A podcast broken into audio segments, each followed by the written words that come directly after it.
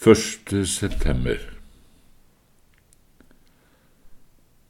Det står skrevet i Romerbrevets femte kapittel og det åttende vers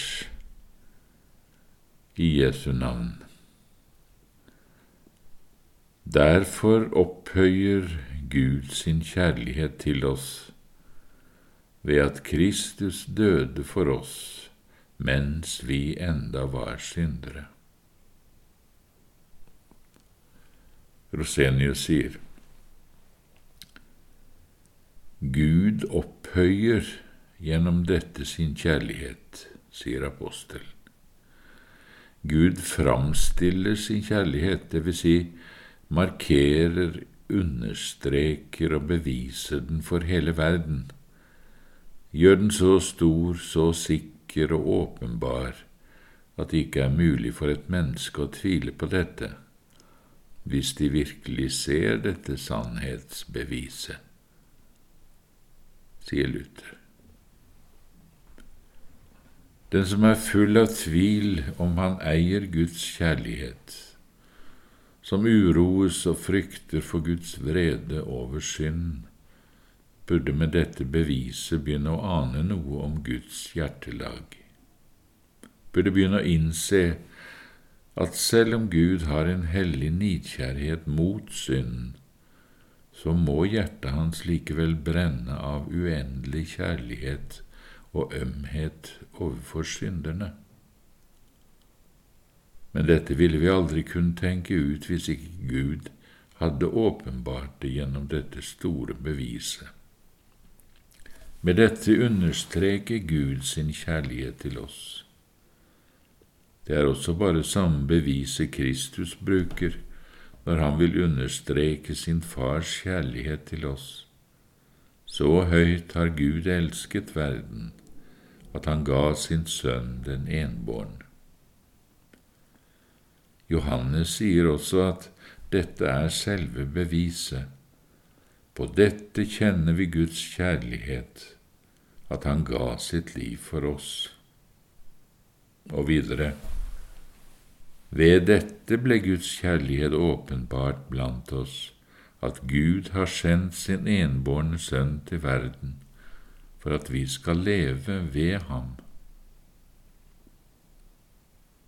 Hadde vi ikke hatt disse vitnesbyrdene, hadde vi ikke kunnet tenke noe så stort om Guds hjertelag. Så heter det da også ganske riktig at Derfor har Gud bevist sin egen kjærlighet på denne måten. Det er bare Guds egen usammenlignbare kjærlighet som beviser seg selv på denne måten. Når vi elsker noen, må det være en venn, eller i det minste et godt, elskverdig menneske. Ser vi derimot noe vi ikke liker hos et menneske, eller det er en uvenn, en som baktaler oss, da pleier vi ikke elske, men tvert imot hate slike mennesker. Slik er den kjærligheten vi har av naturen. Gud har det aller sterkeste hat til synden. I tillegg ser han at alle mennesker er fulle av synd Likevel har han altså så stor kjærlighet til synderen at han heller sendte sin elskede sønn i døden enn å se synderen dø uten håp. Tenk så grundig over det apostelen så ofte gjentar, at Gud gjorde dette for ugudelige, for syndere, mens vi ennå var uvenner da vil du nok i stor undring måtte si, Å gode Gud, hvordan kan du ha en så stor kjærlighet? Er det sant at du elsker så høyt? Og hva er det som driver deg til denne kjærligheten? En gammel Guds tjener hadde lenge fordypet seg i dette spørsmålet. Hva kunne den egentlige årsaken være for Guds kjærlighet til syndere?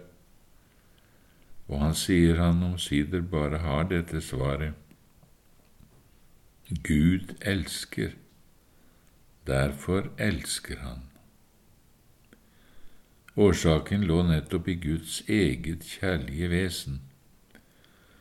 Han hadde et hjerte som var fullt av kjærlighet.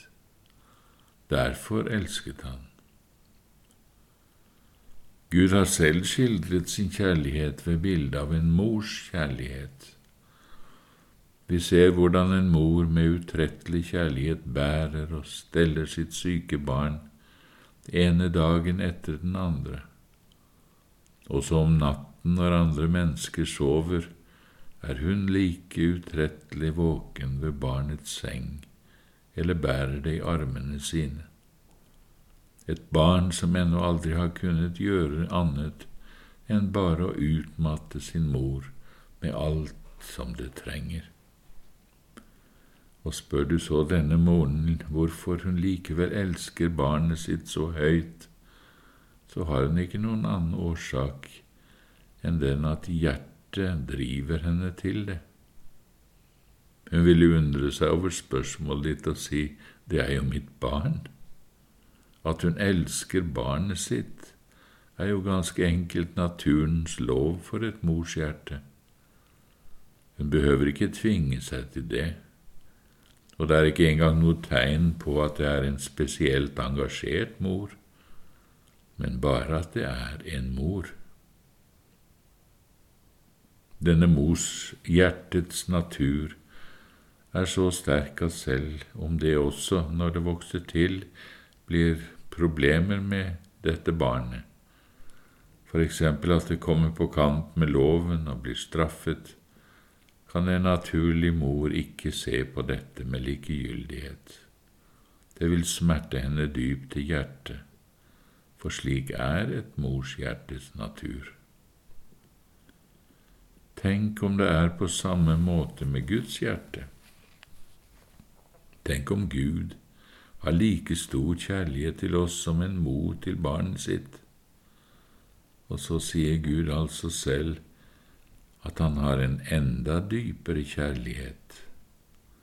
For så sier Herren, kan vel en kvinne glemme sitt diende barn, så hun ikke har medynk med barnet ved sitt bryst? Sannelig, disse kan vel glemme, men jeg kan ikke glemme deg. På dette kjenner vi Guds kjærlighet, at Han ga sitt liv for oss.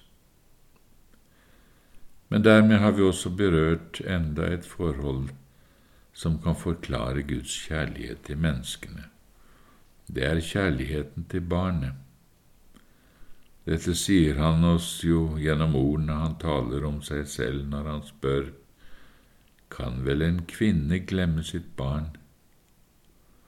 Uansett hvor dypt vi er falt, hvor ynkelig vi enn er, og hvor langt vi er kommet ut i synd og ugudelighet, så kan Gud likevel ikke glemme at menneskene er hans barn.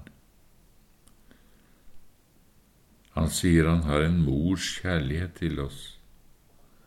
Herren vår Gud har jo skapt oss til sine barn og arvinger, og selv om djevelen forførte oss, ville likevel Gud ikke bare overlate byttet til ham. Enda ville han foreta seg noe for å frelse barnet. Dette kan til en viss grad forklare denne ellers så ubegripelige Guds kjærlighet som gjorde at Kristus døde for oss mens vi enda var syndere.